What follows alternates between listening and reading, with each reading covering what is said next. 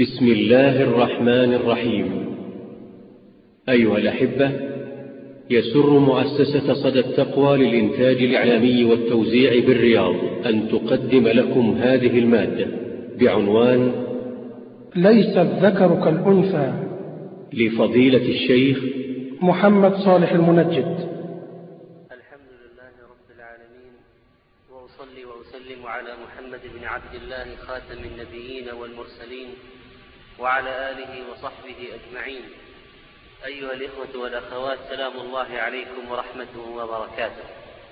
وبعد ففي خضم هذه الهجمة من أعداء الله من المنافقين في موضوع المرأة الخطير الحساس وفي خضم هذا الزمان الذي نعيش فيه بما فيه من الفتن وعلى رأسها فتنة النساء يكون هذا الموضوع من الأهمية بمكان دعاة المساواة كثر. يقولون الذكر كالأنثى. والله في كتابه وليس الذكر كالأنثى. لقد كرم الله سبحانه وتعالى هذه المرأة وأنقذها من براثن الجاهلية ورتب لها الجزاء مع الرجل عنده سبحانه من عمل صالحا من ذكر أو أنثى وهو مؤمن فلنحيينه حياة طيبة ولنجزينهم أجرهم بأحسن ما كانوا يعملون. والمؤمنون والمؤمنات بعضهم أولياء بعض. إن الأجر لهؤلاء من الصالحين والصالحات عظيم. إن المسلمين والمسلمات والمؤمنين والمؤمنات والقانتين والقانتات والصادقين والصادقات والصابرين والصابرات والخاشعين والخاشعات والمتصدقين والمتصدقات والصائمين والصائمات والحافظين فروجهم والحافظات أعد الله لهم مغفرة وأجرا عظيما.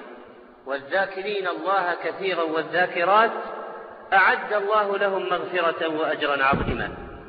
مساواة في الجزاء عنده سبحانه فاستجاب لهم ربهم أني لا أضيع عمل عامل منكم من ذكر أو أنثى بعضكم من بعض.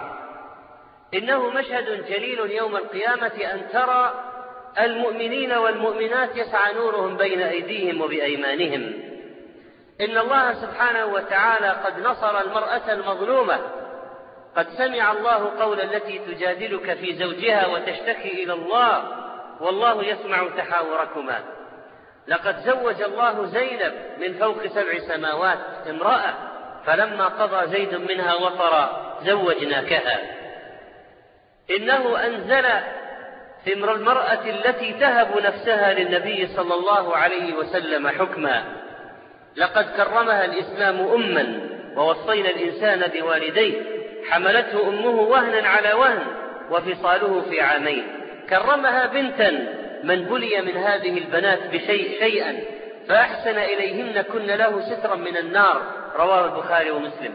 كرمها زوجة اتقوا الله في النساء فإن كن أخذتموهن بأمان الله واستحللتم فروجهن بكلمة الله. استوصوا بالنساء خيرا فإن المرأة خلقت من ضلع وإن أعوج شيء في الضلع أعلاه إن ذهبت تقيمه كسرته وإن تركته لم يزل أعوج. لقد كرمها رحما فهي داخلة.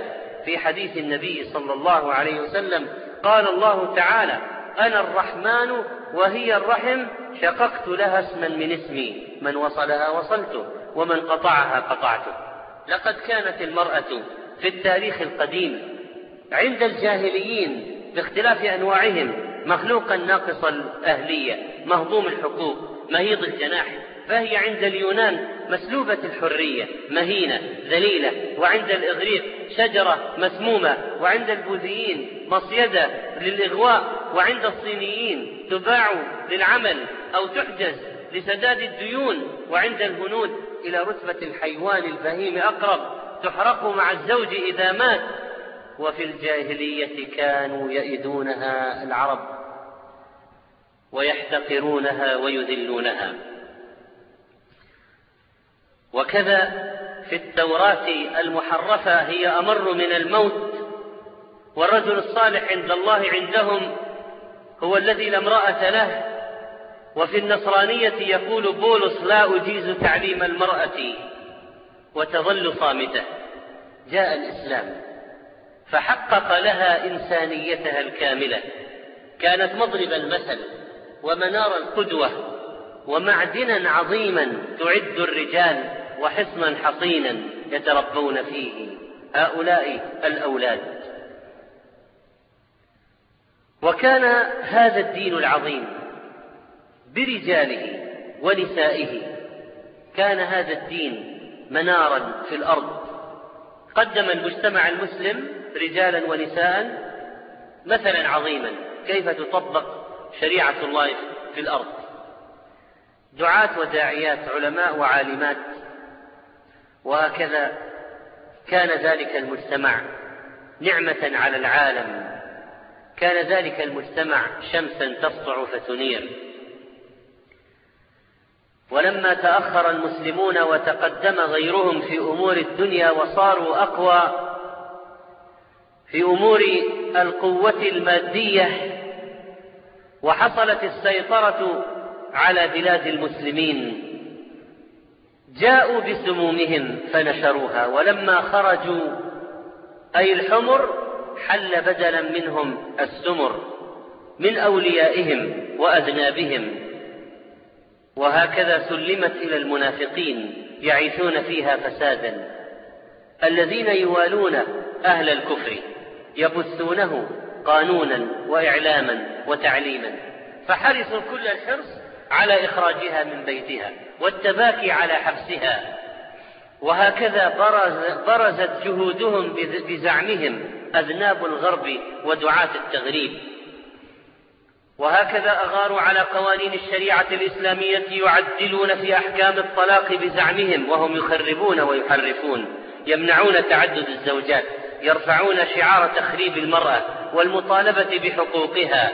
وهكذا صارت القضية امتدادا لما حصل بعد الثورة الفرنسية امتدادا لما كان عندهم في إنجلترا من أنواع التحولات العميقة في العلاقه بين الرجل والمرأة وهكذا كانت الإشارة عندهم في أوائل القرن الماضي إلى المساواة التامة بين الرجال والنساء وحرية المرأة بعد الثورة الصناعية وظهرت الحاجة إلى الأيدي العاملة الرخيصة فوقعت عيون أرباب العمل على النساء يفضلونهن على الرجال الأغنى ثمنا. وهكذا صارت المرأة بوابة يعبر عبرها هؤلاء إلى أرباحهم وتكثيرها وصار أرباب العمل يتحدثون عن حرية المرأة ومساواتها طمعا في إخراجها للعمل في مصانعهم وشركاتهم ووضعت قوانين. حصل بموجبها امتيازات بزعمهم لها. وإذا كان عندهم ظلم فتخلصوا من بعضه وأنشأوا ظلما آخر. فليس عندنا هذا الظلم حتى نتخلص منه أصلا يعني في شريعتنا. أما العادات والتقاليد فظلمات وفيها ظلم وفيها كذلك خير كثير موافق للشريعة. وانتهت المسألة بالمجتمع الغربي إلى المساواة التامة بين الرجال والنساء واستقلال التام للنساء والاختلاط المطلق بين الرجال والنساء.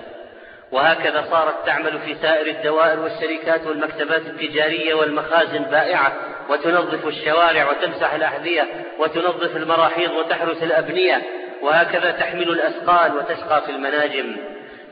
ومصانع الصلب والحديد. ومما ألجأها إلى العمل أن الرجل قد تخلى عن النفقة عليها. إن هناك الآن أنواعا عجيبة من البيوت ناشئة في الغرب. قائمة على الاستقلال التام للرجل حساب وللزوجة حساب كل واحد مسؤول عن نفسه وشركة بقوانين معينة للإنفاق بينهما.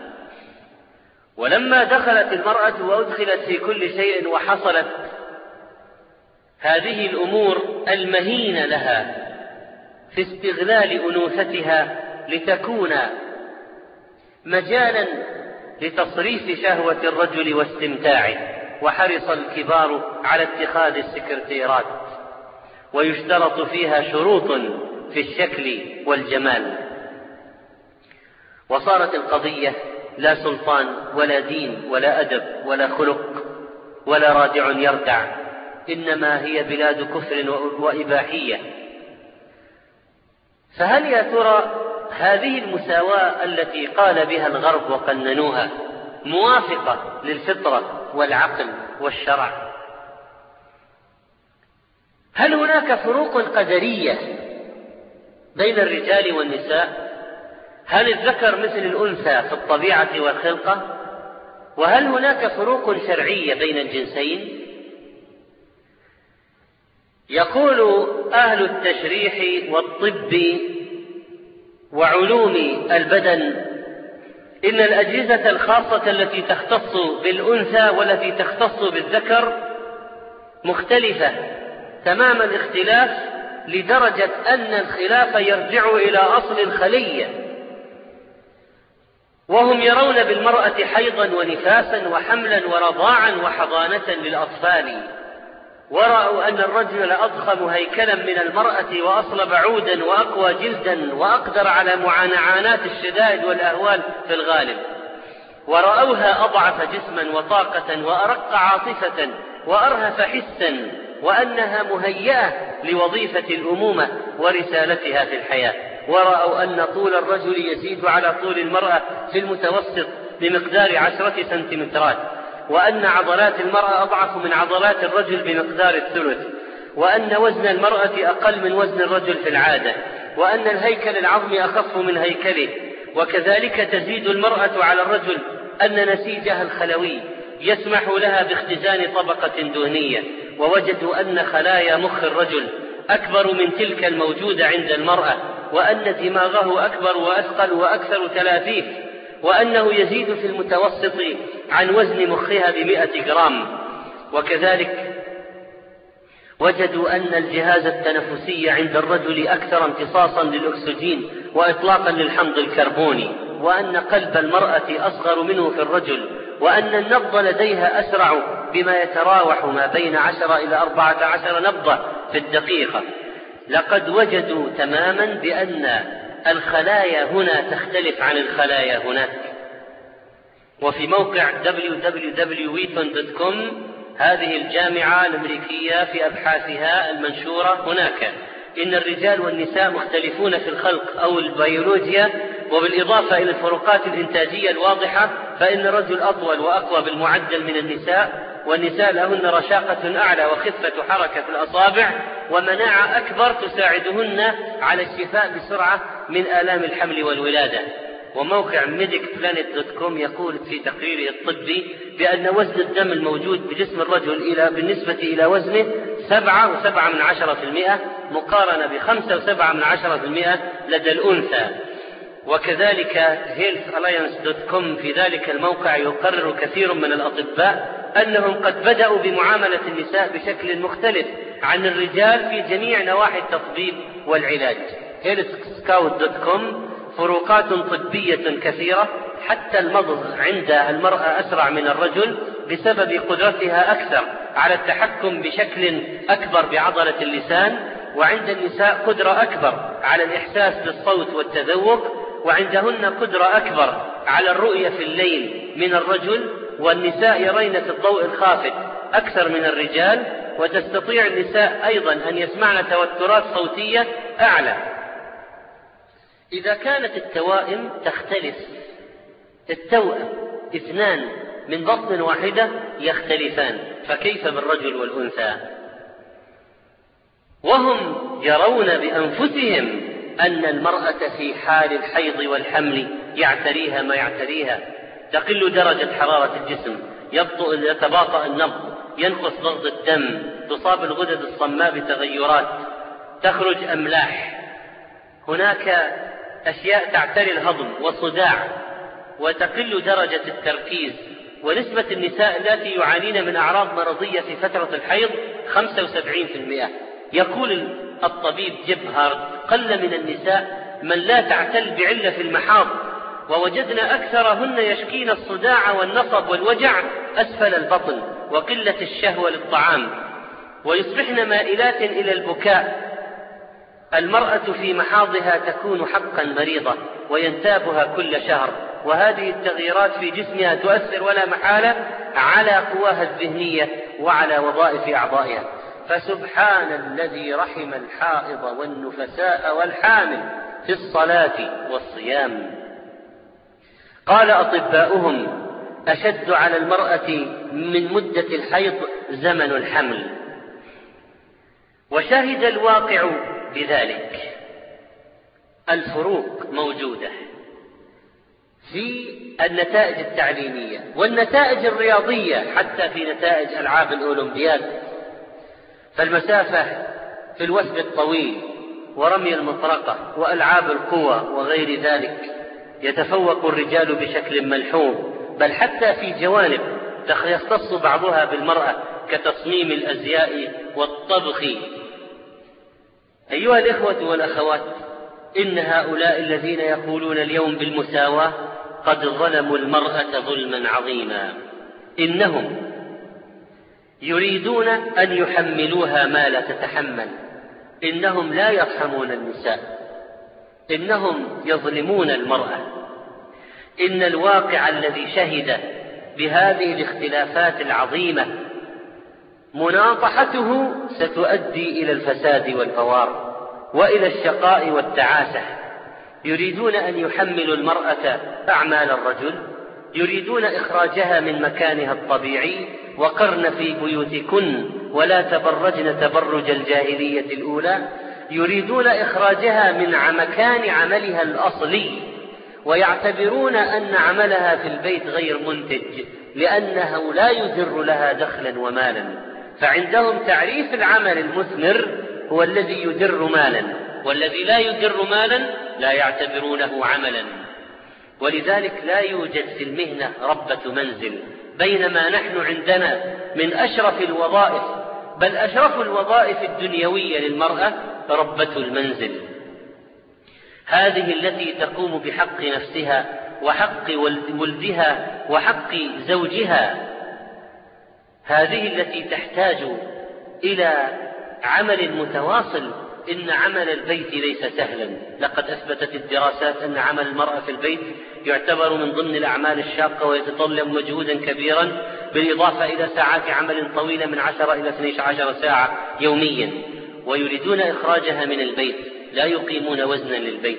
البيوت عندهم مثل الفنادق دخول وخروج ووكالة من غير بواب. ومن هنا ندرك بأن جريمة المساواة التي ينادون بها مخالفة للطب للشرع للعقل للفطرة للواقع. وأن ما يريدونه من خروجها لتكدح وتترك مكانها الأصلي إنما هو ظلم لها. وحتى الفروق النفسية موجودة بين الجنسين. وفي بعض الدراسات أن عاطفة المرأة أكثر من عاطفة الرجل وهذا لا يحتاج إلى دراسة نشاهده في الواقع وأن لديها حنانا فياضا وقلبا رفيقا ورقيقا يخفق لكل من يستحق العطف والشفقة أكثر من الرجل مما يجعلها مؤهلة تماما لحضانة الأطفال. ولذلك قال النبي صلى الله عليه وسلم أنت أحق به ما لم تنكحي. وفي موقع ويتون دوت إي دي يو دراسة في أن النساء مائلات إلى الفكاهة متعاونات فيما بينهن متآلفات وعاطفيات ومعتمدات على بعضهن بعضهن البعض ويتقن التواصل ودعم الآخرين.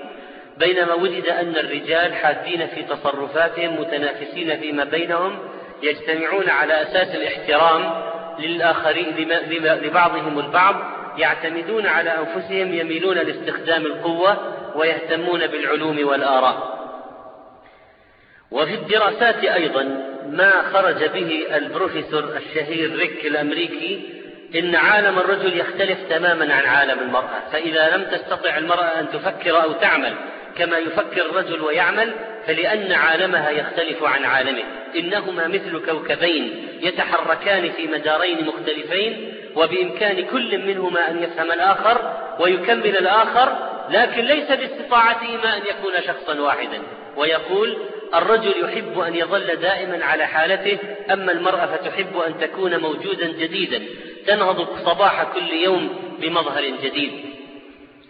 وهذه الفروق الجسمية لم تساعدهم في قضية المساواة عندما طبقوها في الجيش البريطاني حديثا في التدريبات العسكرية فكانت النتائج عندما طلب من المرأة أن تحمل نفس الأوزان المجندة التي يحملها الرجل المجند وأن تمارس سائر التدريبات مثله لقد حصل لقد وجدوا أن الإصابات قد ارتفعت عند النساء 25% وإذا قال قائل إن هذه العبارة مشهورة سائرة جدا قضية المساواة بين الجنسين المساواة بين الجنسين. فما هي حقيقة هذه العبارة؟ يقول الشيخ محمد بن صالح بن عثيمين رحمه الله تعالى وهنا يجب أن ننبه على أن من الناس من يستعمل بدل العدل المساواة وهذا خطأ.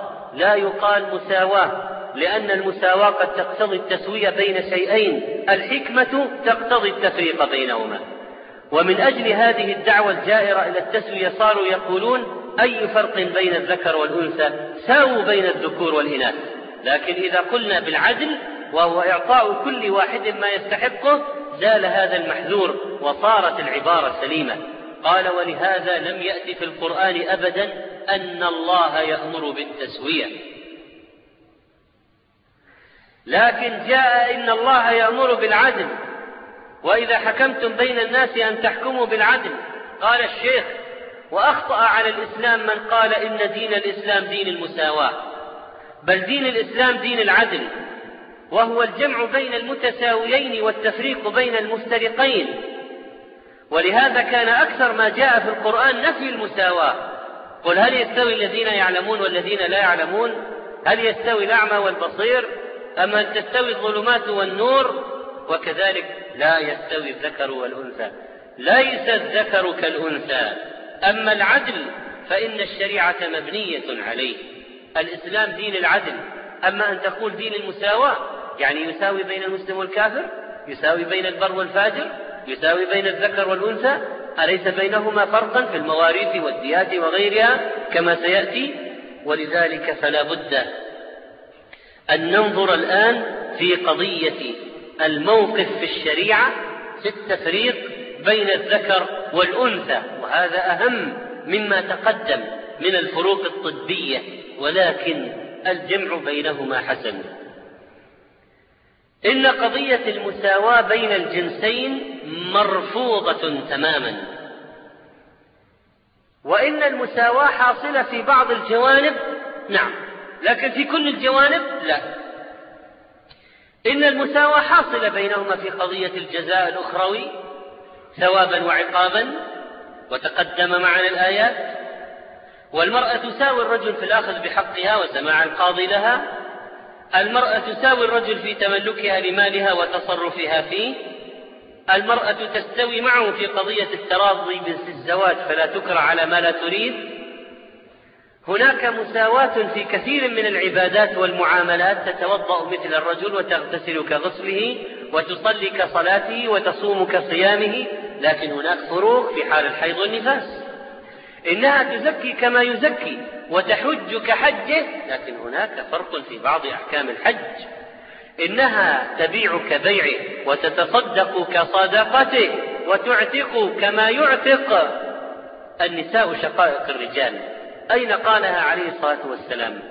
عن عائشة رضي الله عنها قالت سئل رسول الله صلى الله عليه وسلم عن الرجل يجد البلل ولا يذكر احتلاما. قال يغتسل. وعن الرجل يرى أنه قد احتلم ولم يجد بللا قال لا غسل عليه. قالت أم سلمة يا رسول الله هل على المرأة ترى ذلك غسل؟ قال نعم إن النساء شقائق الرجال. رواه الترمذي وأحمد وهو حديث صحيح. فإذا هناك استواء في مجالات كثيرة وأحكام متعددة ولكن هناك فوارق بين الذكر والأنثى. ولذلك لعن الشارع المتشبهين من النساء بالرجال والمتشبهات من النساء بالرجال. وهذه الحكمة في اللعن لأجل أن التشبه إخراج الشيء عن الصفة التي وضعت عليها من قبل الحكيم الخبير وتغيير لخلق الله. والله تعالى قال ألكم الذكر وله الأنثى؟ تلك إذا قسمة ضيزة لأن النصيبين لا يستويان. ولذلك لما نذرت امرأة عمران ما في بطنها للمسجد لبيت المقدس يكون خادما فيه على ظنها أنه ذكر. فلما وضعتها أنثى وقعت في مشكلة.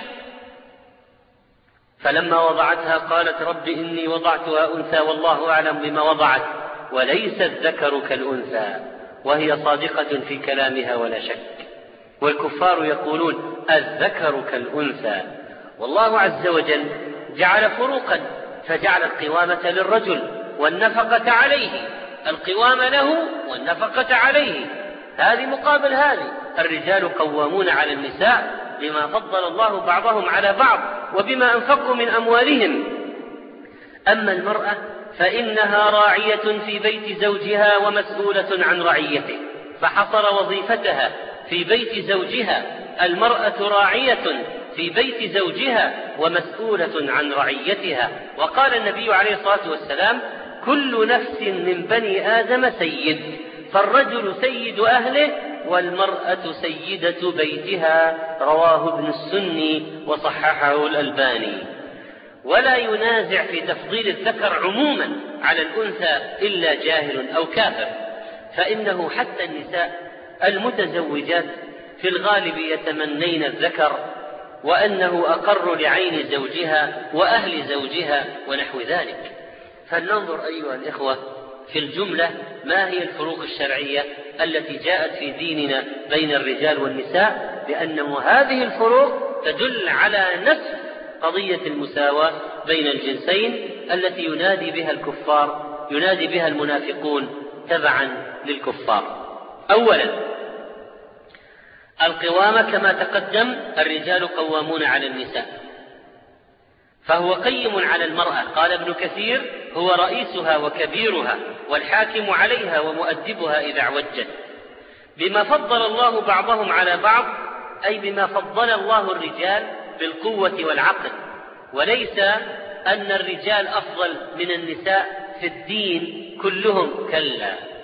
فهناك رجال أفضل من نساء ونساء أفضل من رجال وهناك نساء في الجنة مراتبهن أعلى من مراتب رجال.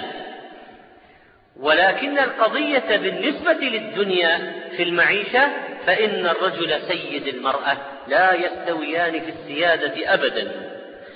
وأن هذه السيادة والقوامة فيها تكليف للرجل بأن ينفق وبما أنفقوا من أموالهم.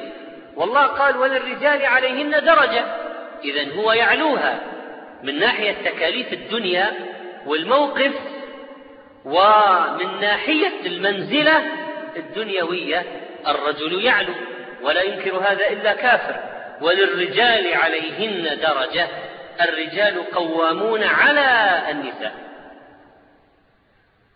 وهذا هو الموضع الثاني وهو قضية درجة الرجل وهو الذكورة لأنها من جهة الخلقة أكمل وأقوى ولا شك والأنوثة أضعف من الذكورة في الجملة. لا ينكره إلا مكابر.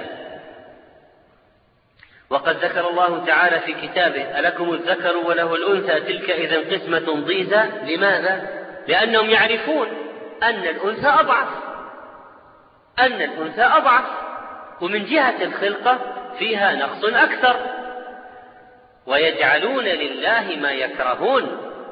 وإذا بشر أحدهم بما ضرب للرحمن مثلا ظل وجهه مسودا وهو كظيم. وهذا النقصان عند المرأة ما هو؟ أتى الحديث الصحيح عن النبي صلى الله عليه وسلم ببيانه فقال ما رأيت من ناقصات عقل ودين أذهب للب الرجل الحازم من إحداكن. قلنا وما نقصان ديننا؟ سألت المرأة. سؤال لا بأس. أن تسأل تستفسر تعرف لماذا؟ قال قلنا وما نقصان ديننا وعقلنا يا رسول الله؟ ليس سؤالا اعتراض ليس سؤال اعتراض ولا وقاحة في توجيهه بل بأدب جم. وما نقصان ديننا وعقلنا يا رسول الله؟ قال أليس شهادة المرأة مثل نصف شهادة الرجل؟ قلنا بلى. قال فذلك من نقصان عقلها. أليس إذا حاضت لم تصلي ولم تصم؟ قلنا بلى. قال فذلك من نقصان دينها. فهذا نص صحيح صريح في نقصان عقل المرأة عن عقل الرجل ودينها عن دينه. لكن ليس معنى ذلك أن نقصان عقلها يجعلها مجنونة أو غبية.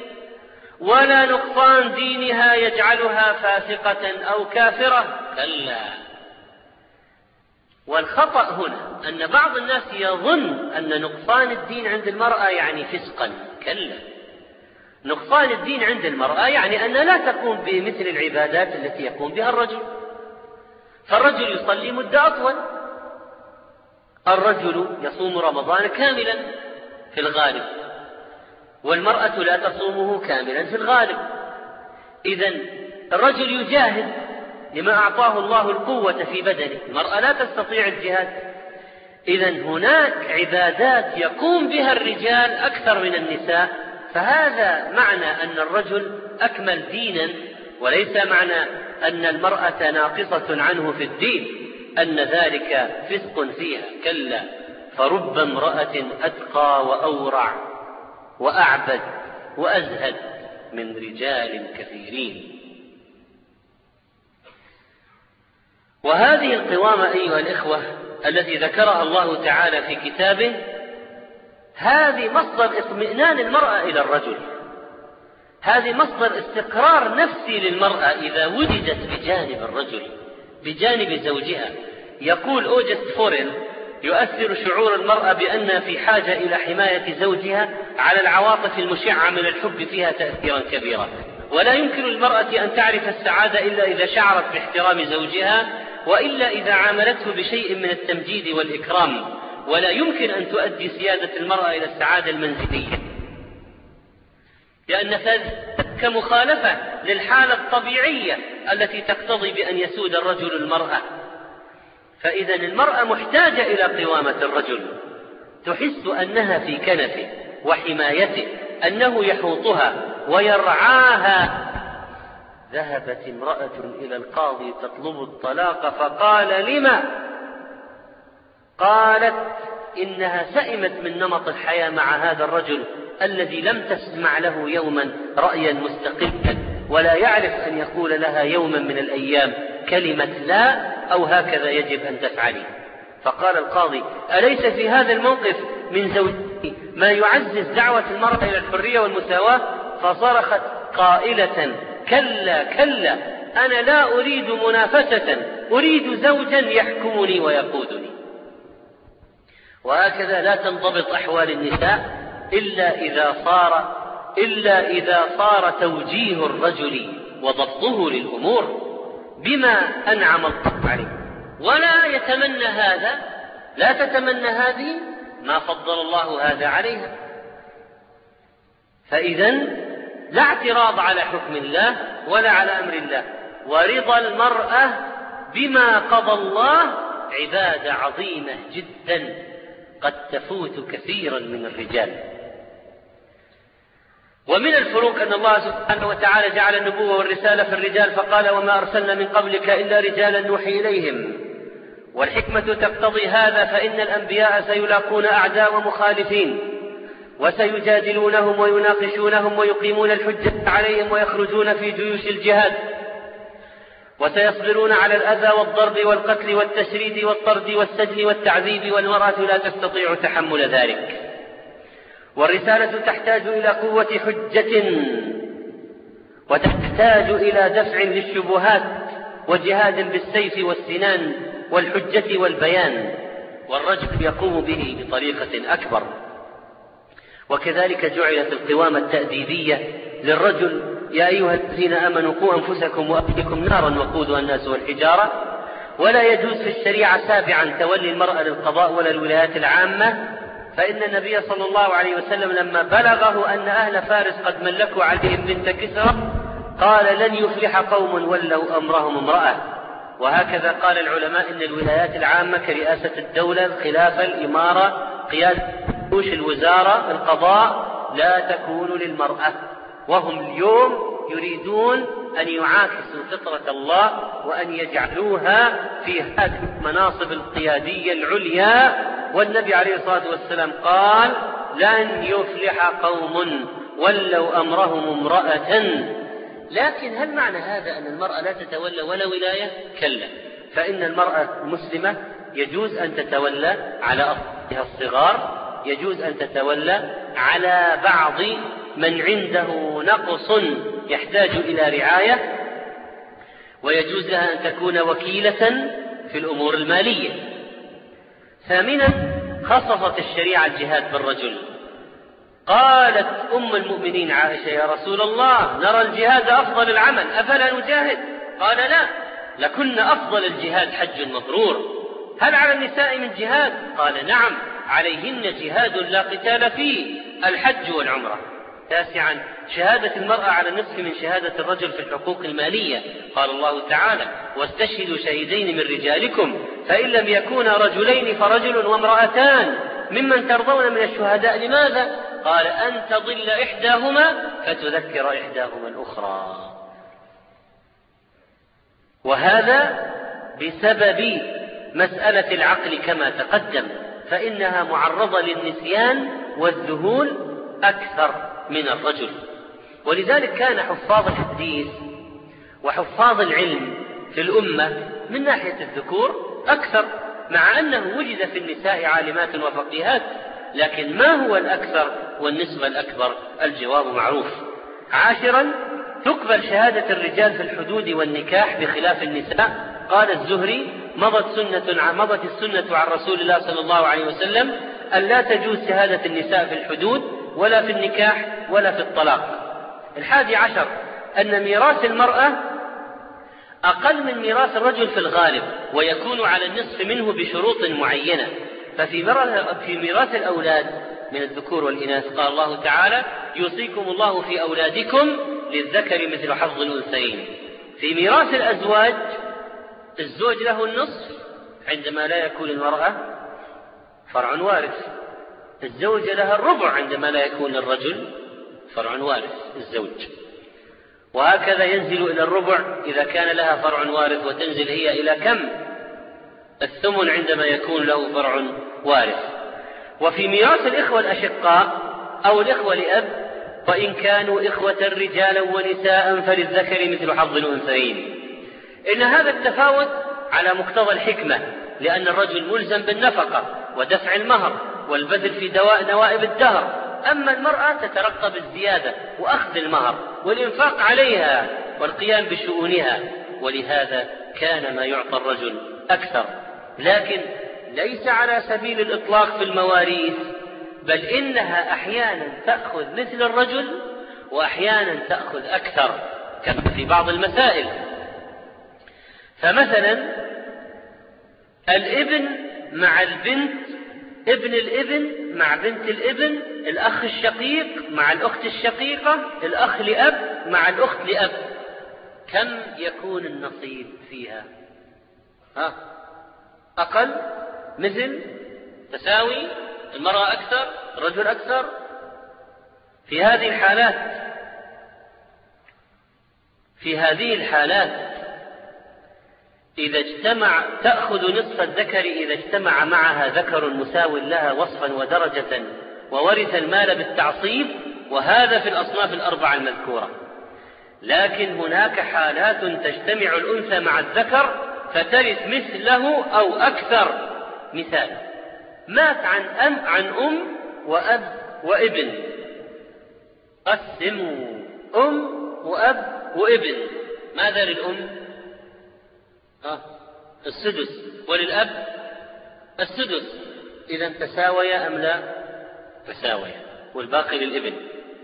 مات عن بنتين وأم وأب. خلف بنتين وأم وأب.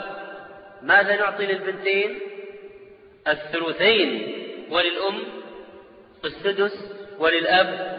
السدس. هنا البنت أخذت أكثر من الأب. الأنثى أخذت أكثر من الذكر. بالنسبة للإخوة والأخوات لأم ذكورا وإناثا متساوين. فالواحد له السدس والأكثر من واحد وإذا كانوا أكثر من واحد يشتركان يشتركون في الثلث. ذكرهم وأنثاهم سواء. إذا الإخوة والأخوات لأم ذكرهم وأنثاهم سواء. وفي بعض الحالات نجد أن الذكر يسقط والأنثى ترث. والأنثى ترث. كما لو مات عن أخت شقيقة وبنت وأخ لأب. أخت الشقيقة كم لها؟ ها؟ نصف. والبنت كم لها؟ نصف. والأخ لأب؟ لا شيء له.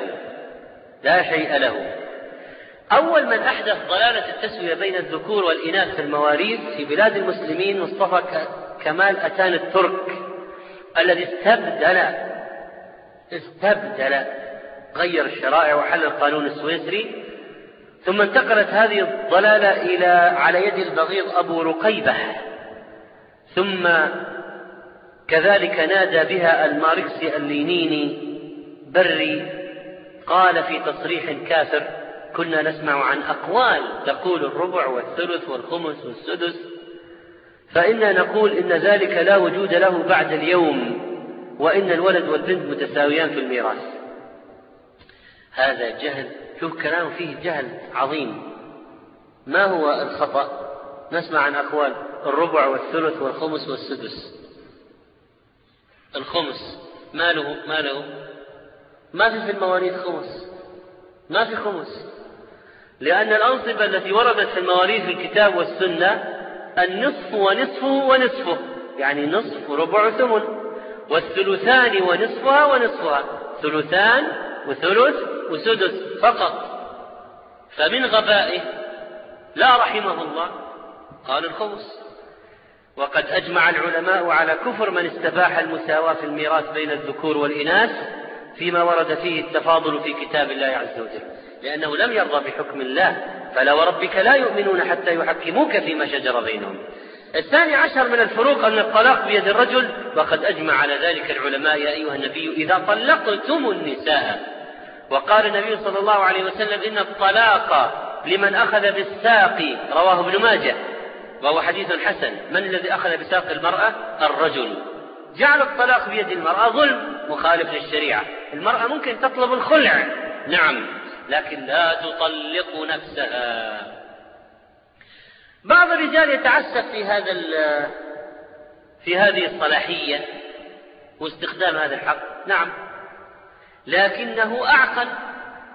ولذلك ترى المرأة أحيانا تقول لزوجها طلقني طلقني طلقني طلق. فإذا طلقها قعدت تبكي وتقول أنا آسف رجعني رجعني رجعني ولذلك أيها الإخوة فإن الشارع حكيم. جعل الطلاق بيد الرجل لأنه أقدر على ضبط الأمور وعلى التصرف الحسن. وهذا في مسؤولية على الرجل بالحقيقة يا معشر الرجال لا تظلموا نساءكم ولا تقل لها إذا رفعت السماعة فأنت طالق إذا خرجت من البيت فأنت طالق إذا كلمت فلانة فأنت طالق. فتجعلها تعيش في جحيم. لماذا؟ فإن أطعنكم فلا تبغوا عليهن سبيلا. إن الله كان عليا كبيرا. فذكر الرجل أنه أعلى علي سبحانه وأنه أكبر كبير سبحانه. الثالث عشر أن الله تعالى أباح للرجل أن يجمع بين أربع نسوة إذا علم من نفسه العدل بينهن في الحقوق فانكحوا ما طاب لكم من النساء مثنى وثلاث ورباع. الرابع عشر دية المرأة على النصف من دية الرجل كما أجمع على ذلك أهل العلم. الخامس عشر تطهير بول الغلام والذكر بينما الجارية يختلف حالها كما قال عليه الصلاة والسلام ينضح بول الغلام.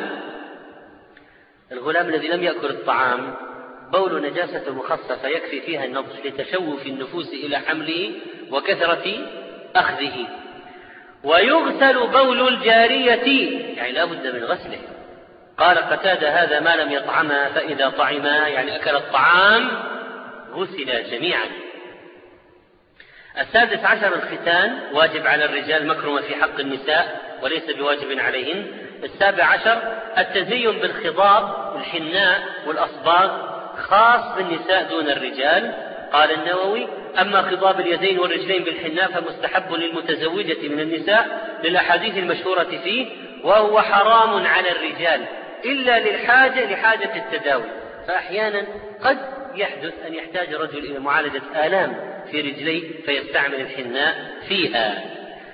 ثامن عشر الفرق بين طيب الرجل وطيب المرأة. فقد قال النبي صلى الله عليه وسلم طيب الرجال ما ظهر ريحه وخفي لونه وطيب النساء ما ظهر لونه وخفي ريحه. حديث صحيح. قال البغوي حملوا قوله وطيب النساء يعني ما خفي ريحه. على ماذا؟ على أي شيء حملوا عند خروجها من البيت. أما إذا كانت عند زوجها أو أهلها فلتتطيب بما شاءت.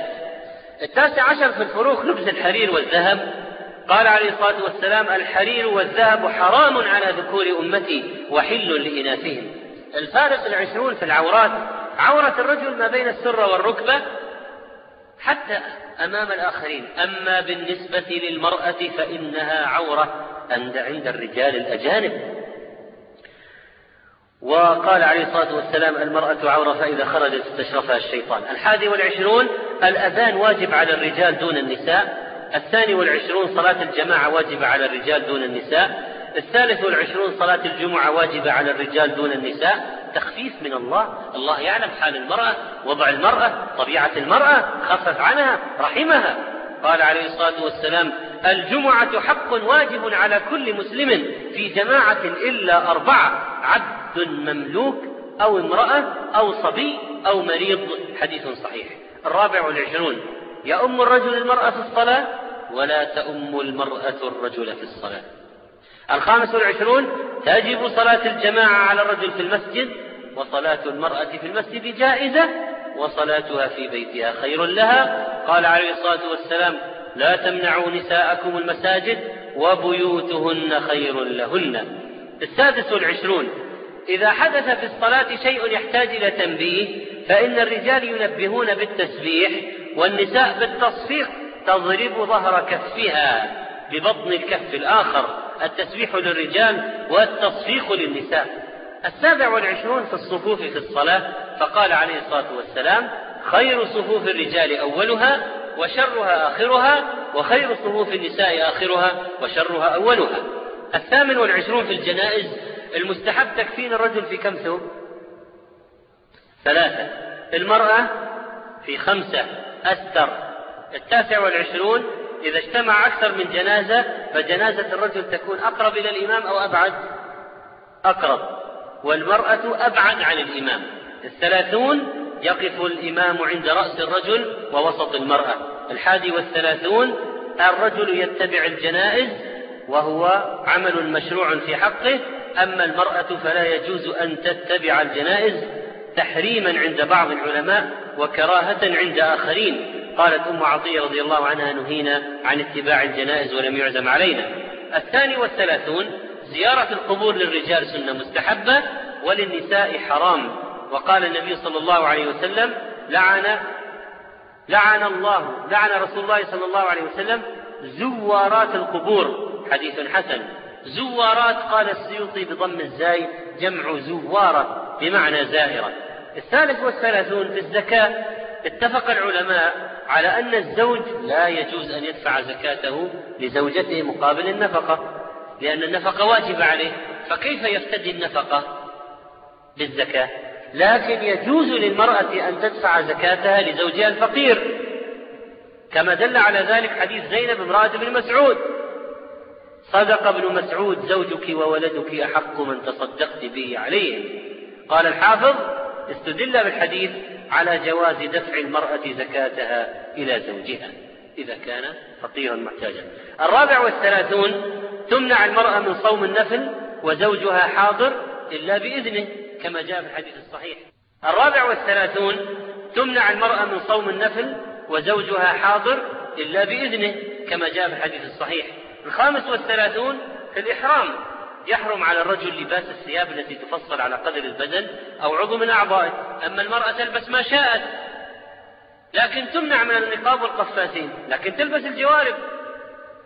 وتغطي رأسها. الرجل لا يلبس الجوارب ولا يغطي رأسه. السادس والثلاثون الرمل في الطواف والسعي بين العلمين في الصفا والمروة خاص بالرجال. السابع والثلاثون الحلق في الحج والعمرة خاص بالرجال. النساء عليهن تقصير. الثامن والثلاثون في العقيقة الغلام شاتان مكافئتان والجارية شاة التاسع والثلاثون في الجهاد تقتل الرجال ولا يقتل النساء. إلا إذا حملت النساء السلاح عند الكفار تقتل. وقد نهى النبي صلى الله عليه وسلم عن قتل النساء والصبيان يعني في الجهاد. الأربعون الجزية لا جزية على النساء أجمع العلماء أن الجزية على الرجال من أهل الكتاب الذين يعيشون في الدولة الإسلامية. الحادي والأربعون في النكاح لا يصح نكاح المرأة إلا بولي ولا يجوز أن تزوج نفسها ولا غيرها. الثاني والأربعون أن الرجل يتزوج من الكتابية بينما المرأة المسلمة لا يتزوجها من؟ كتابي. في الحضانة الثالث والأربعون المرأة أولى بحضانة الطفل من الرجل. يا رسول الله إن ابني هذا كان بطني له وعاء وثدي له سقاء وحجري له حواء وإن أباه طلقني وأراد أن ينتزعه مني. فقال لها رسول الله صلى الله عليه وسلم أنت أحق به ما لم تنكحي. هذه الفروق هل يمكن القول بعدها بالمساواة بين الجنسين؟ اطلاقا.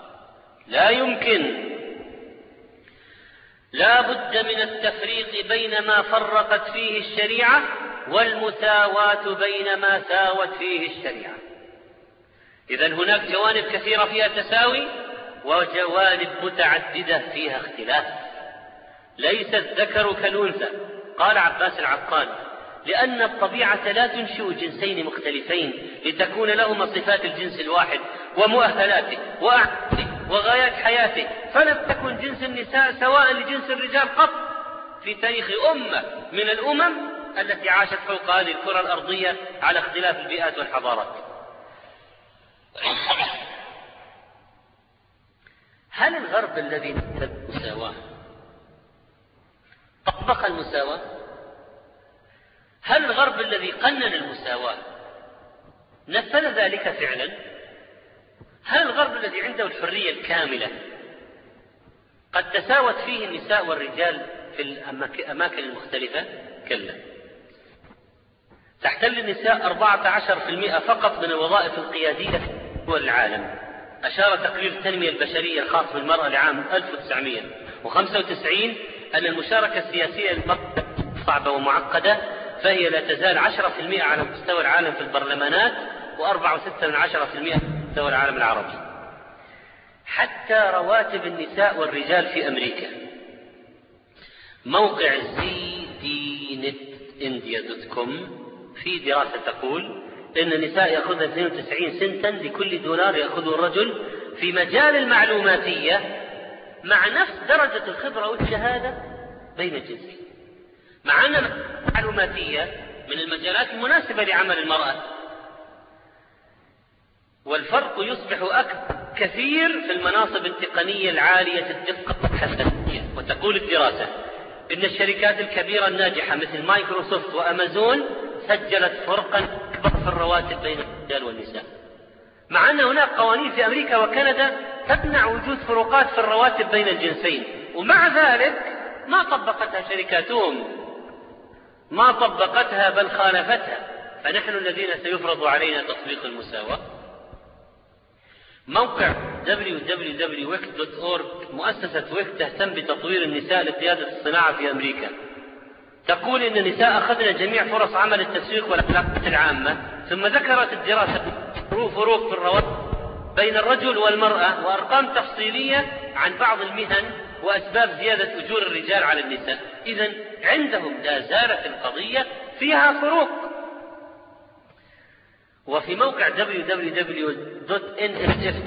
وفي هذه الدراسة تم سرد الأسباب التي تمثل الفروق بين راتب الرجل وراتب المرأة ووجد أن شهادات الدراسات العليا كانت أكثر عند الرجال من الإناث وهو شيء لم يقدم له تفسيرا. زاد عدد الموظفين عن الموظفات في القطاع الحكومي والعكس في القطاع الخاص. زاد عدد النساء الموظفات في أماكن أكثر فقرا لعل هذا لحاجة المرأة للعمل. زاد عدد النساء عن عدد الرجال في بعض الوظائف المتعلقة بالكمبيوتر بينما انخفض في مجال الهندسة الكهربائية والإلكترونية والميكانيكية يعني هذا أنسب لطبيعتها والميكانيكية أبعد عن طبيعتها. إذا غصب عنهم يعني شيء في الفطرة في الواقع في الجسم في الحياة ما يمكن المساواة لا يمكن المساواة لقد أقروا بأنه تمتنع المساواة. قال الباحث الروسي أنطون نيملاس في كتابه الذي أثبت فيه عدم المساواة الفطرية ينبغي أن لا نخدع أنفسنا بزعم أن إقامة المساواة بين الرجل والمرأة في الحياة العملية أمر هين ميسور. الحق أنه لم يجتهد أحد في الدنيا لتحقيق هذه المساواة بين الصنفين مثل ما اجتهدنا في روسيا السوفيتية ولم يوضع في العالم من القوانين السمحة البريئة من التعصب في هذا الباب مثل ما وضع عندنا. ولكن الحق أن منزلة المرأة قلما تبدلت في الأسرة بل قلما تبدلت في المجتمع أيضا. ويقول إليكسيس كاريل إن هناك فوارق بين المرأة والرجل من حيث الأفكار والإعداد الذهني لتلقي المعلومات ولذلك صرح بخطأ قومه في توحيد المناهج الدراسية. اسمع اسمع.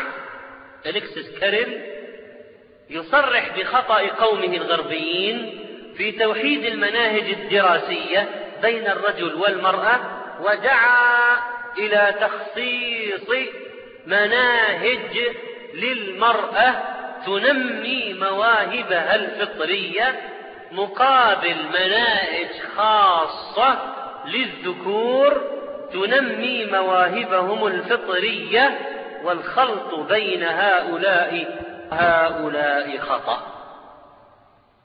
هذا باعتراف واحد من القوم والفشل الذي انتهوا إليه يريدون تعميمه وتطبيقه علينا. وجاء في التقرير في أحد التقارير أن الشركات في أوروبا لا تبذل جهدا كافيا لتحطيم الحاجز الوهمي الذي يحول دون تقلد النساء للوظائف الإدارية العليا. وتقول آنا دياما المفوضة الأوروبية للشؤون الاجتماعية إن مشاركة المرأة في قوة العمل تزيد ببطء وإن عالم التجارة والأعمال يظهر التفاوت بين الجنسين بصورة واضحة. فبينما المرأة تتولى بين 20 و 30% من الوظائف العليا الرسمية والإدارية في القطاع العام في أوروبا فإن نصيبها في الوظائف العليا في الشركات الخاصة لا يزيد عن 2% في فرنسا و3% في ألمانيا و6% في بريطانيا. بس. هذه بلاد الإباحية هذه بلاد الحرية هذه بلاد المساواة جعلوها قوانين ومع ذلك لما طبقوا لما جاءوا للواقع لم يجدوا الأمر كذلك. ما استطاعوا.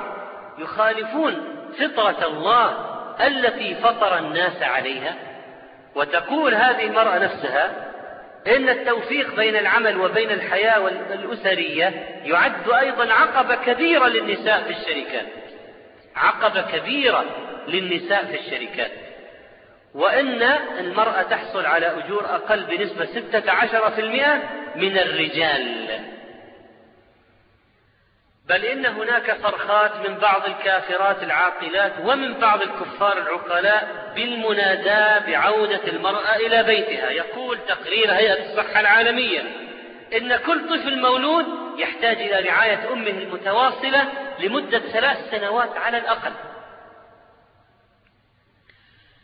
وإن فقدان هذه الرعاية يؤدي إلى اختلال الشخصية لدى الطفل كما يؤدي إلى انتشار جرائم العنف وطالبت هذه الهيئة بتفريغ المرأة للمنزل.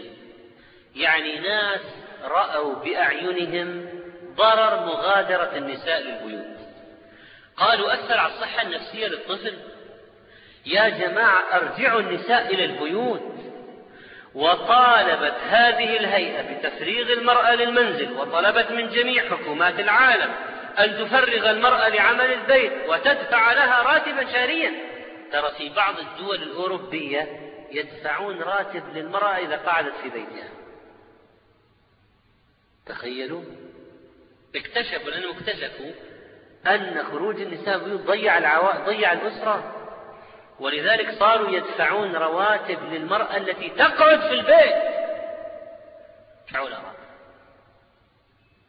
تشجيعا للنساء على القعود في البيوت لأجل رعاية الأولاد لأجل رعاية هذا العش لأجل تحقيق الاستقرار النفسي والعائلي. وقد أثبتت الدراسات الطبية والنفسية أن المحاضن وروضات الأطفال لا تستطيع القيام بدور الأم في التربية ولا في إعطاء الطفل الحنان الدافق الذي تغذيه. أما عن بريطانيا فقد عرض تقرير علمي إلى الزيادة المضطردة في عدد النساء اللاتي يخرجن من بيوتهن للعمل وأنه ترك آثار وخيمة على الجيل. وأثبتت الدراسات أن أبناء الأمهات العاملات أكثر الأطفال إخفاقا وارتكابا للشغب والجرائم وتعرضا للأمراض النفسية والمشكلات الاجتماعية. وانغ شيان ساي العضو الذكر باللجنة الوطنية للمؤتمر الاستشاري السياسي للشعب الصيني شجع المرأة العاملة على الرجوع إلى البيت. وليس لحل مشكلة البطالة وإنما تعبير عن القلق على وضع الأسرة والأطفال. وشهد عام 1999 اليوم العالمي للمرأة نقل وقائع حفل بهيج تحتفل به فيه البلاد بتكريم المرأة السويسرية لتفانيها في أداء واجباتها المنزلية. لقد ذكرت بعض النساء اللاتي بلغن مناصب عليا كلاما عجيبا. اسمعوا براندا بارنيس قررت أن تتخلى عن وظيفتها كرئيسة تنفيذية لشركة كوكاكولا أو عفوا بيبسي كولا. وعن راتب سنوي قدره مليونا دولار. كم تأخذ هذه المديرة؟ رئيسة تنفيذية لشركة بيبسي كولا مليونا دولار سنويا الدخل السنوي رئيسة تنفيذية لماذا؟ لماذا تخلت عن مليوني دولار في السنة؟ قالت لأنني اكتشفت أن راحة زوجي وأولادي الثلاثة أهم من المنصب ومن ملايين الدولارات وأن المنزل هو أكثر انسجاما للفطرة والتكوين تكوين المرأة وقبلها بيني هاجنس رئيسة كوكا كولا في المملكة المتحدة اتخذت القرار نفسه لأنها تريد أن تنجب طفلا وتصبح أما. وكذلك فعلت ليندا كيسلي رئيسة تحرير مجلة هي المعروفة بدفاعها عن خروج المرأة للعمل. أطلقت صرختها المدوية لم أترك العمل بسبب حاجة أبنائي لي بل بسبب حاجتي لهم. أنا أحتاج أولادي. أحتاج أن أكون مع أولادي.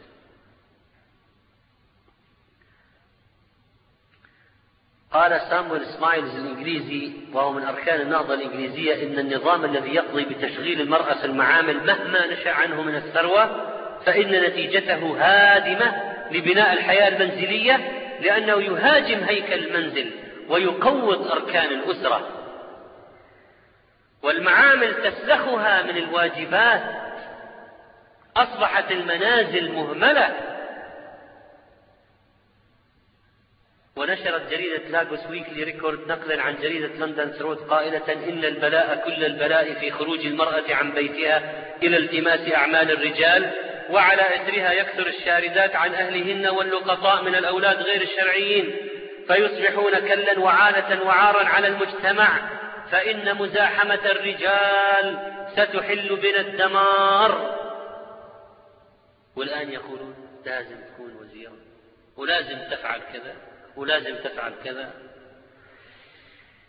ونشرت الكاتبة الشهيرة مس آني رود في جريدة إستون ميل لأن يشتغل بناتنا في البيوت خير وأخف بلاء من اشتغالهن في المعامل حيث تصبح البنت ملوثة بأدران تذهب برونق حياتها إلى الأبد. ألا ليت بلادنا كبلاد المسلمين؟ فيها الحشمة والعفاف والطهر. تتنعم المرأة بأرغد عيش ولا تمس الأعراض بسوء.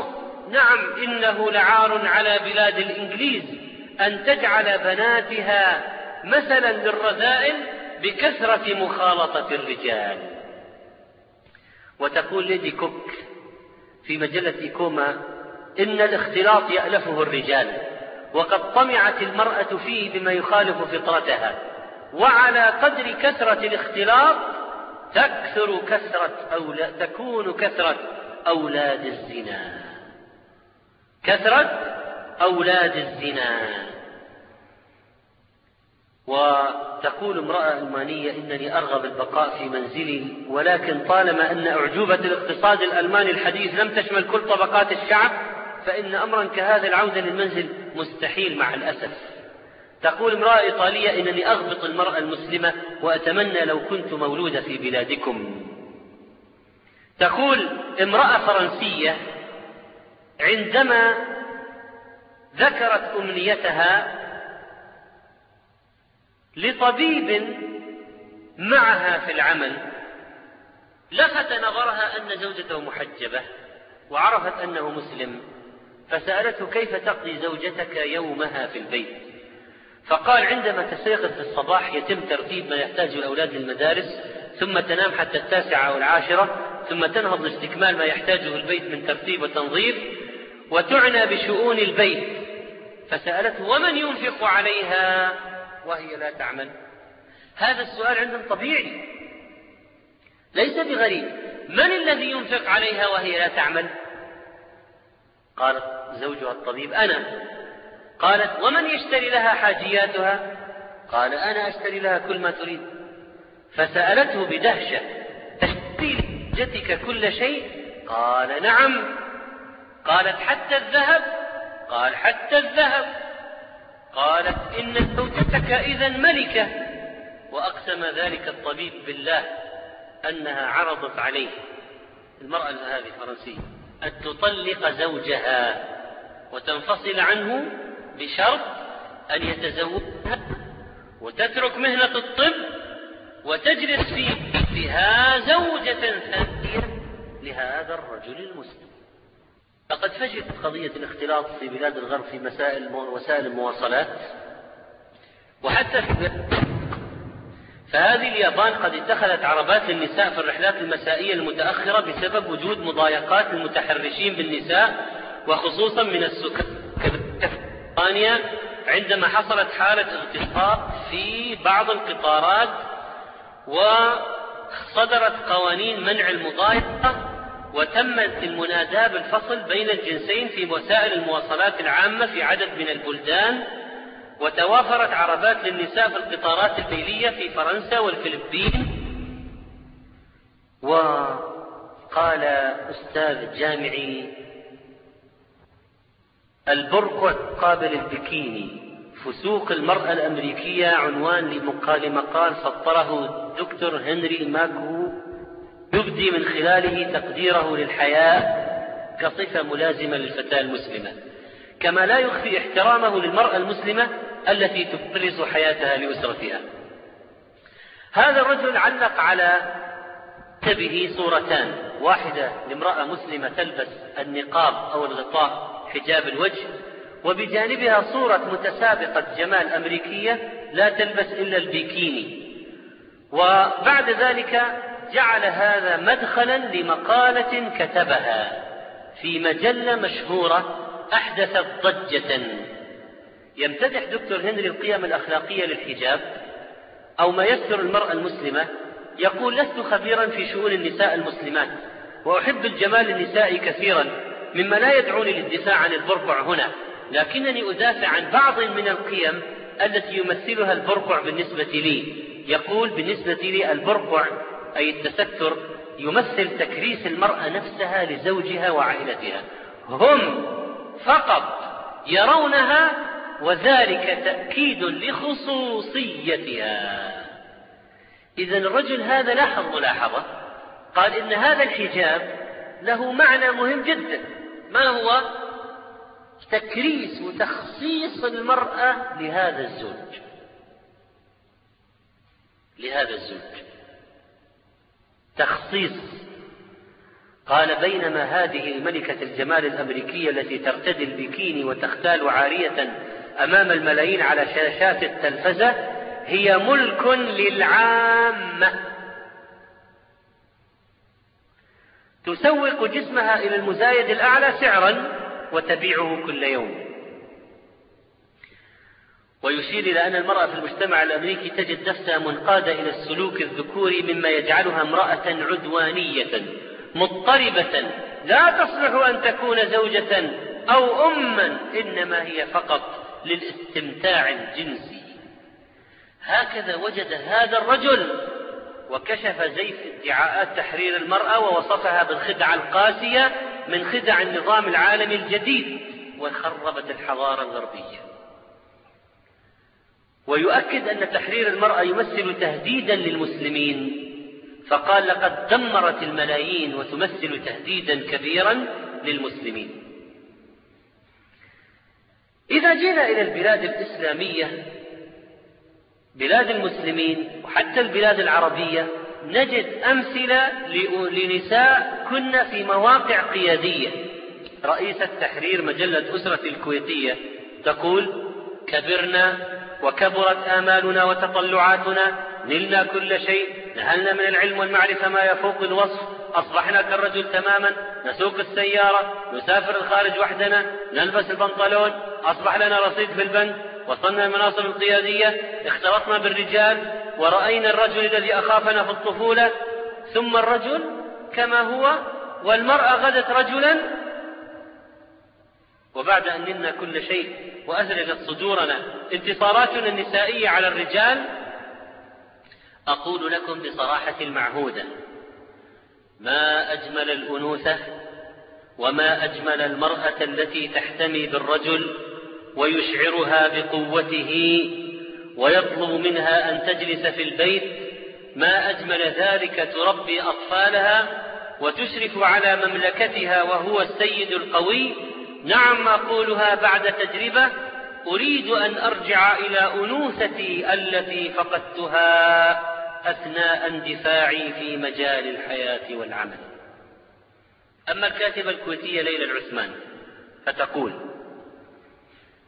سأعترف اليوم بأنني أقف في كثير من الأشياء ضد ما يسمى بحرية المرأة. تلك الحرية التي تكون على حساب أنوثتها وعلى حساب كرامتها وعلى حساب بيتها وأولادها. سأقول إنني أحمل نفسي كما تفعل كثيرات مشقة رفع شعار المساواة بينها وبين الرجل. ثم ذكرت أنها قد تتعرض لبعض الأذى والظلم من الرجل لكن تعقب وتقول هل يعني هذا أن أرفض نعومة وهبها الله لي لأصبح, لأصبح امرأة تعلق شاربا وتتحدى أقوى رجل؟ وهل يعني هذا أن أتصرف وكأنني رجل لا يرده خجل؟ وهل يعني هذا أن أتحدى فأفعل ما يفعله الرجل؟ وما هو مرفوض ليؤكد بذاتي أنه لا أحد أحسن من أحد وأننا سواسية؟ هل يعني هذا أن أنظر إلى البيت جنة المرأة التي تحلم بها على أنه سجن المؤبد وأن الأولاد ما هم إلا حبل من مسد يشد على عنقي؟ وأن الزوج هو السجان القاهر الذي يكبر قدمي؟ لا.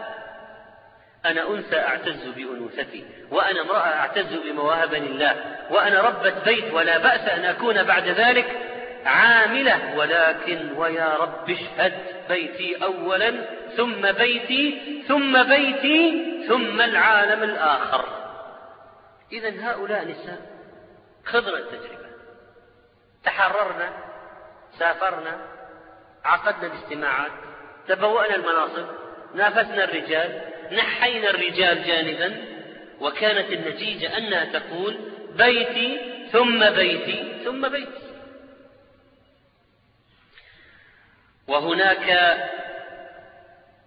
من الكافرات من رأت أن القيود التي يفرضها المجتمع العربي الإسلامي على الحياة على المرأة الفتاة الصغيرة ما تحت العشرين صالحة ونافعة. تقول هذه المرأة ولهذا أنصح بأن تتمسكوا بهذه الأخلاق والقيم الدينية.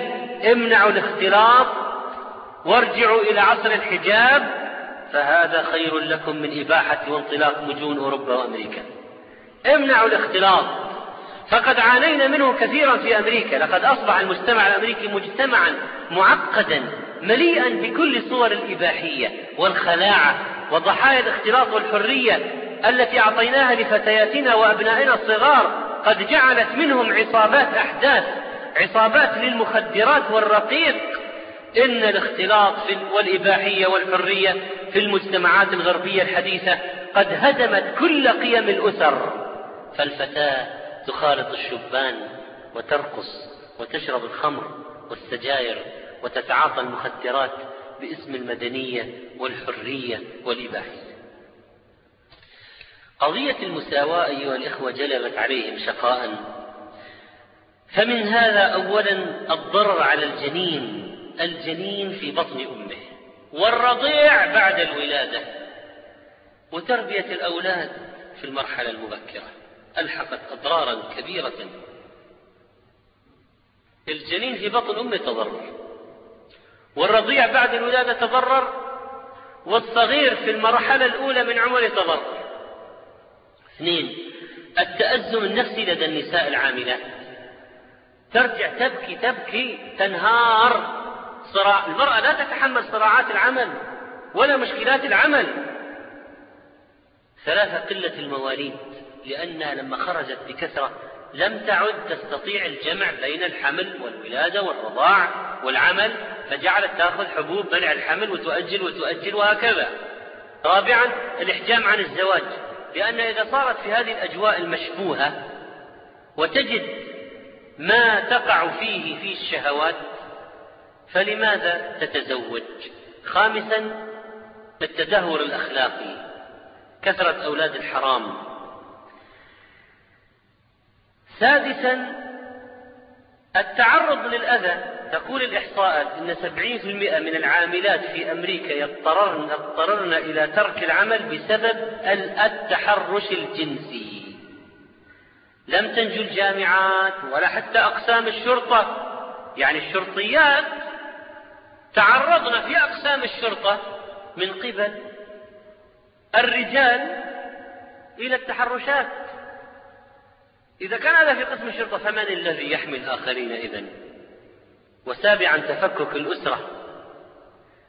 تفكك الأسرة نسبة الطلاق في أمريكا عام 79 50% 12% من الأسر لا عائلة لها. ثمانية انتشار الجرائم. تسعة كثرة الأمراض النفسية والاضطرابات العصبية. جاءت امرأة كافرة إلى طبيب مسلم في عيادة نفسية في الغرب. وحالتها منهارة. جلست والدموع في عينيها وهي في العشرينات من عمرها. تقول مشكلتي الوحيدة أنني أعيش بقلق واضطراب. لا أدري ليش القلق والاضطراب لماذا؟ هل تعرفون لماذا؟ قالت لا أدري متى سينفصل عني صديقي. إذا هي ليست متزوجة وعندها صديق. لكن المشكلة أنها لم تعد تعرف هل سيتخلى عنها صديقها أم سيكمل معها. ولا أستطيع مطالبته بالزواج مني لأنني أخشى من موقف يتخذه. نصحت بإنجاب طفل منه. شوف النصيحة. نصائح ناس تنصح. عندهم نصائح لعل هذا الطفل يرغبه في الزواج. وها أنت تقول الطبيب المسلم وها أنت ترى الطفل. ومع هذا وذاك أبذل له الخدمات وإنفاق المال ولم أنجح بإقناعه بالزواج وهذا سر مرضي وسبب قهري فليس لي زوج يساعدني. وليتني بقيت دون طفل لأنني لا أريد أن يتعذب ويشقى كما تعذبت وشقيت. ومن أعرض عن ذكري فإن له معيشة ضنكا ونحشره يوم القيامة أعمى. أيها الإخوة أيها الأفاضل أيتها الفاضلات إنهن لسن سعيدات بقضية الخروج لسن سعيدات. فلماذا نحن اليوم نريد أن نسلك نفس الطريق الذي انتهى بالفشل والشقاء؟ لماذا عندنا انخداع؟ لماذا يقوم المنافقون بالكتابات والجهل والمتأثرين بالغرب والذين تعفنت عقولهم ويقولون مساواة مساواة حرية حرية أخرجوا المرأة أثبت وجودك أثبتي وجودك. نافسي نافسي ويطلقون الحجج شبه تهافت كالزجاج تخالها حججا وكل كاسر مكسور. يقول يستخدمون كلمات ملبسة ذات مدلولات قابلة لعدة تفسيرات تلبيس في كلوم في كلامهم هجوم على قضية الحشمة ويقولون إنها تخ... إنها تعمل في الأعمال المختلفة بما يوافق العادات والتقاليد. كيف تجمع بين النقيضين؟ كيف تجمع في عمل مختلط للمرأة ويوافق العادات والتقاليد؟ إلا إذا صارت العادات والتقاليد أشياء مخالفة للشريعة. والدعوة إلى تكوين نوادي وفرق كرة قدم ومباريات ومشاركة في الأولمبياد وأن تدخل في جميع المناصب وأن تدخل في البرلمانات وقضية المكابرة للمحسوس والزعم بأن المرأة والرجل يعني الرجل ممكن مثلا يصلح له ثديين ويرضع ويحمل في بطنه جنينا ويلبس كعبا عاليا وأصفار ويضع ما تضعه المرأة. يعني ما لهؤلاء القوم لا يكادون يفقهون حديثا ويقولون لابد أن تحرر المرأة من قيود العادات والتقاليد ويريدون قضية العفة وقضية الحياء. وكذلك يقولون إن هناك أشياء منتشرة بين النساء. ما هي من الإسلام؟ أجل ما هو الإسلام؟ علمونا الإسلام أيها الفطاحل يا أيها العلماء الكبار علمونا ما هو الإسلام الذي تريدون تطبيقه. ويستغلون الحاجات الفطرية عند النساء ويستعملون دغدغة العواطف في مقالاتهم لإغواء النساء بالخروج. ويستغلون حاجة بعض النساء للعمل ويقولون طيب وإذا كانت أرملة وإذا كان عندها أب شيخ كبير وإذا كانت إذا لابد أن تخرج لابد أن تخرج. طيب العمل للحاجة كما عملت تلك المرأتين الكريمتين بنتي الرجل الصالح بالشروط الشرعية. ما خالطت الرجال؟ إن زويتا على جنب لا نسقي حتى يصدر الرعاء. وأبونا شيخ كبير هل هؤلاء يريدون أن تعمل المرأة بعيدا عن الرجال؟ كلا. وإنما يستغلون حاجة بعض النساء للمال لكي ينشروا قضية الدخول المرأة في كل المجالات الشيطان يعدكم الفقر ويأمركم بالفحشاء والله يعدكم مغفرة منه وفضلا. ثم يلجؤون إلى وسائل الإرهاب الفكري لمن خالفهم رافعين صوت التسلط.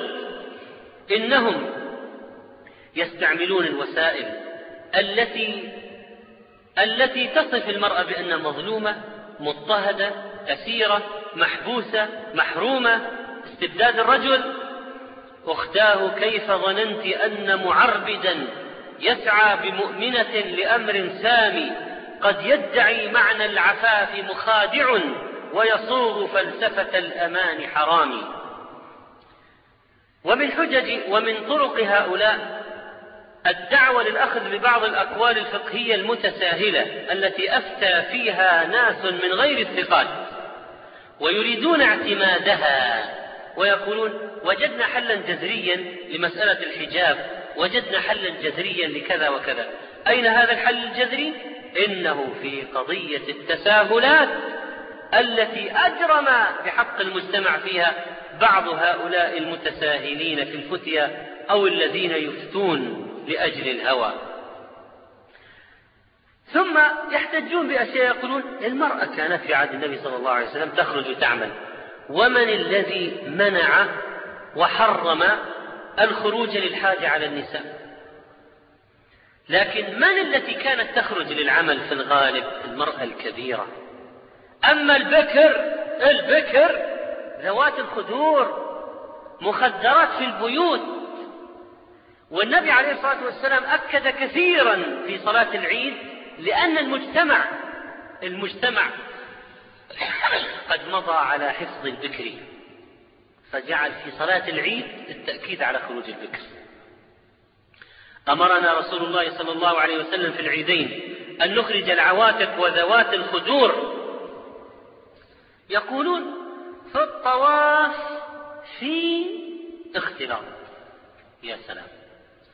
تريد أن تقارن بيت الله أطهر بقعة في العالم وما في ذلك الوقت من الإيمانيات والمشاعر الفياضة آه، من هذه العبادة بحال امرأة تختلط بالرجال في سوق أو مكاتب ثم هذا للضرورة في رمي الجمرات وفي غيره. وهذا الاختلاط الذي تنادي به في العمل اختياري وليس اضطراري يمكن تنظيمه. ثم يقال أيضا هذه في الحرم معها محرمها في الغالب جاءت في حج أو عمرة وأما تلك فمحرمها معها في المكاتب والمصانع. ثم للعلم للعلم أن الفقهاء قالوا كلاما في قضية الطواف هذه النساء. قال ابن جريج أخبرنا قال عطاء إذ منع ابن هشام النساء الطواف مع الرجال. قال كيف يمنعهن وقد طاف نساء النبي صلى الله عليه وسلم مع الرجال؟ قلت أبعد الحجاب أو قبل؟ قال إي لعمري لقد أدركته بعد الحجاب. قلت كيف يخالطن الرجال؟ قال لم يكن يخالطن الرجال. كانت عائشة رضي الله عنها تطوف حجرة من الرجال يعني محجوزا بينها وبينهم بثوب. لا تخالطهم. فقالت امرأة انطلقي انطلقي نستلم يا أم المؤمنين. نستلم الحجر. قالت انطلقي عنك وأبت. يخرجن متنكرات بالليل. فيطفن مع الرجال ولكنهن كن إذا دخلن البيت قمنا حتى يدخلن وأخرج الرجال. فإذا أقوال الفقهاء وفعل عمر رضي الله عنه وغيره في فصل الرجال عن النساء في الطواف. الآثار الصحيحة موجودة في هذا وساقها ابن حجر رحمه الله في فتح الباري. ثم هل نفوس الناس في الحرم مثل نفوس الناس في المكاتب والشركات؟ ما لكم كيف تحكمون؟ كيف تحكمون؟ أيها الإخوة لقد سئمنا هذه الترهات التي يطلقها هؤلاء المنافقون نسأل الله أن يكبتهم ويخزيهم وأن يكفي المسلمين شرهم.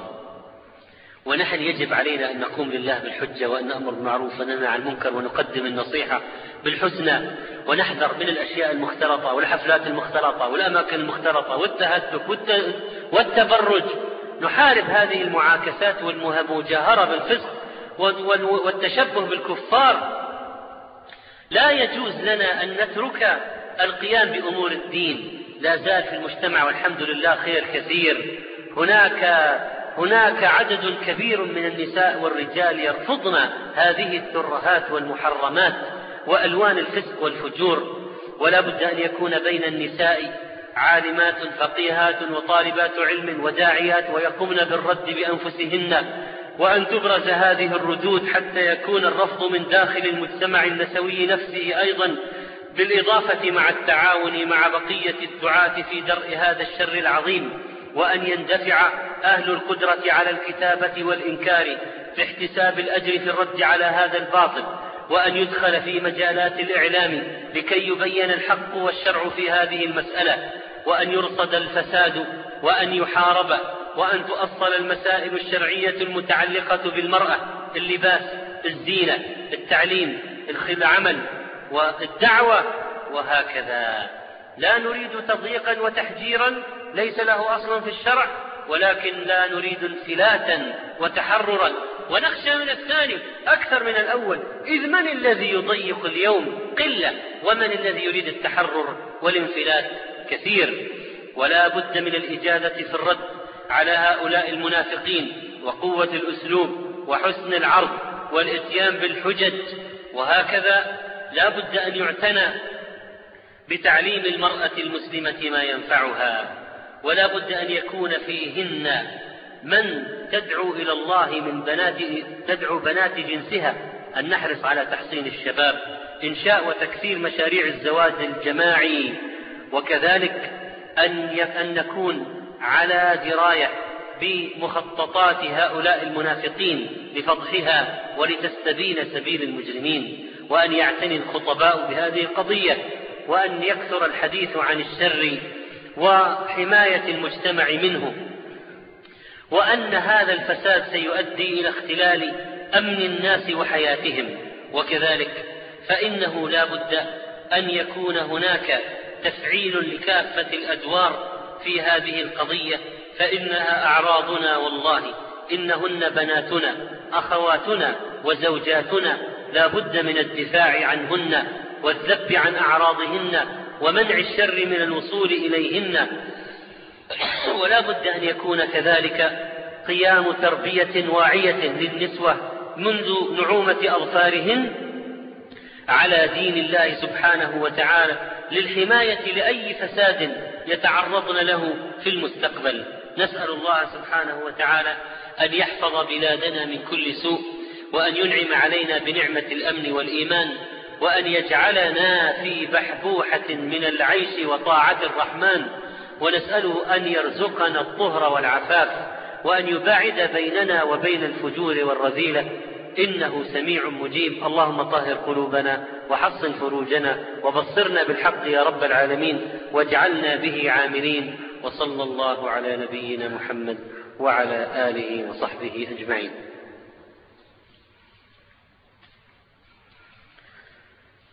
يقول هذا إخوانكم في مؤسسة الحرمين يجمعون تبرعاتكم. آه، اقتراح بوضع الفوارق على مطوية ليسهل تداولها إن شاء الله. ما حكم وضع أحمر الشفاء للنساء؟ جائز إذا لم يكن ضارا ولا تظهره للأجنبي. آه لبس الكعب العالي هل يدخل في المائلات نعم لأنه يجعلها مائلة إلى الأمام أطول مما هي عليه لافتا لنظر الرجل مضر للظهر. كذلك يقول واجهتني مشكلة في الحصول على صحبة, صحبة صالحة تعينني على الثبات. ابحث عنهم في المساجد ستجدهم إن شاء الله. أعمل في شركة مصدر مالي غير واضح بالنسبة لي. عليك بالعمل عملك أنت ما هو؟ إن كان حلالا فراتبك حلال.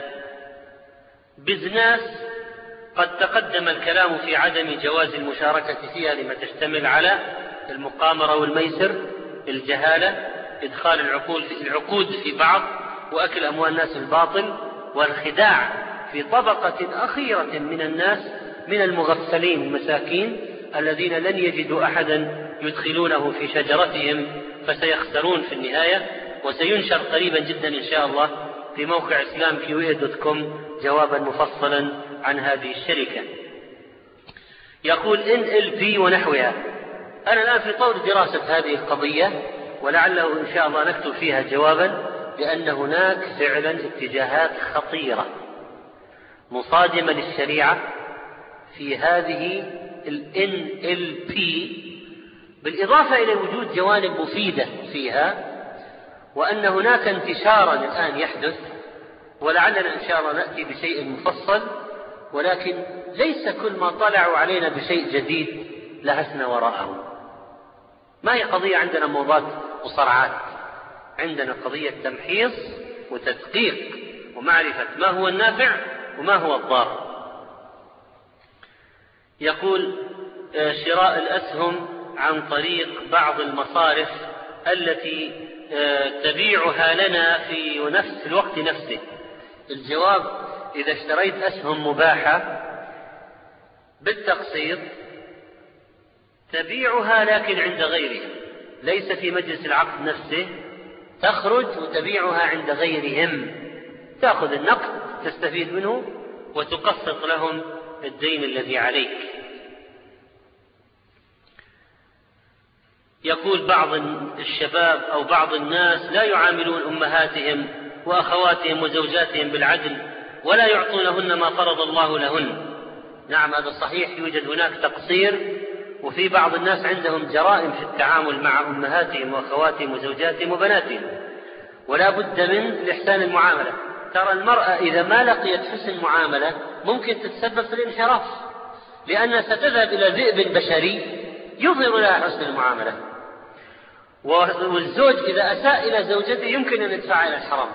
وكذلك عندما يساء إلى البنت كذلك. تفكر في رجل في شخص تفضفض لها له عما في نفسها.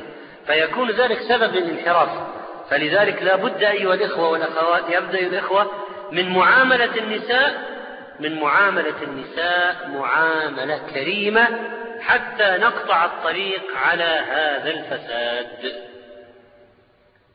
دعوة التقارب بين الأديان دعوة باطلة. وقال الله تعالى ولن ترضى عنك اليهود ولا النصارى حتى تتبع ملتهم. إذا لا أمل في مراباتهم حتى نكون مثلهم. ندخل في دينهم.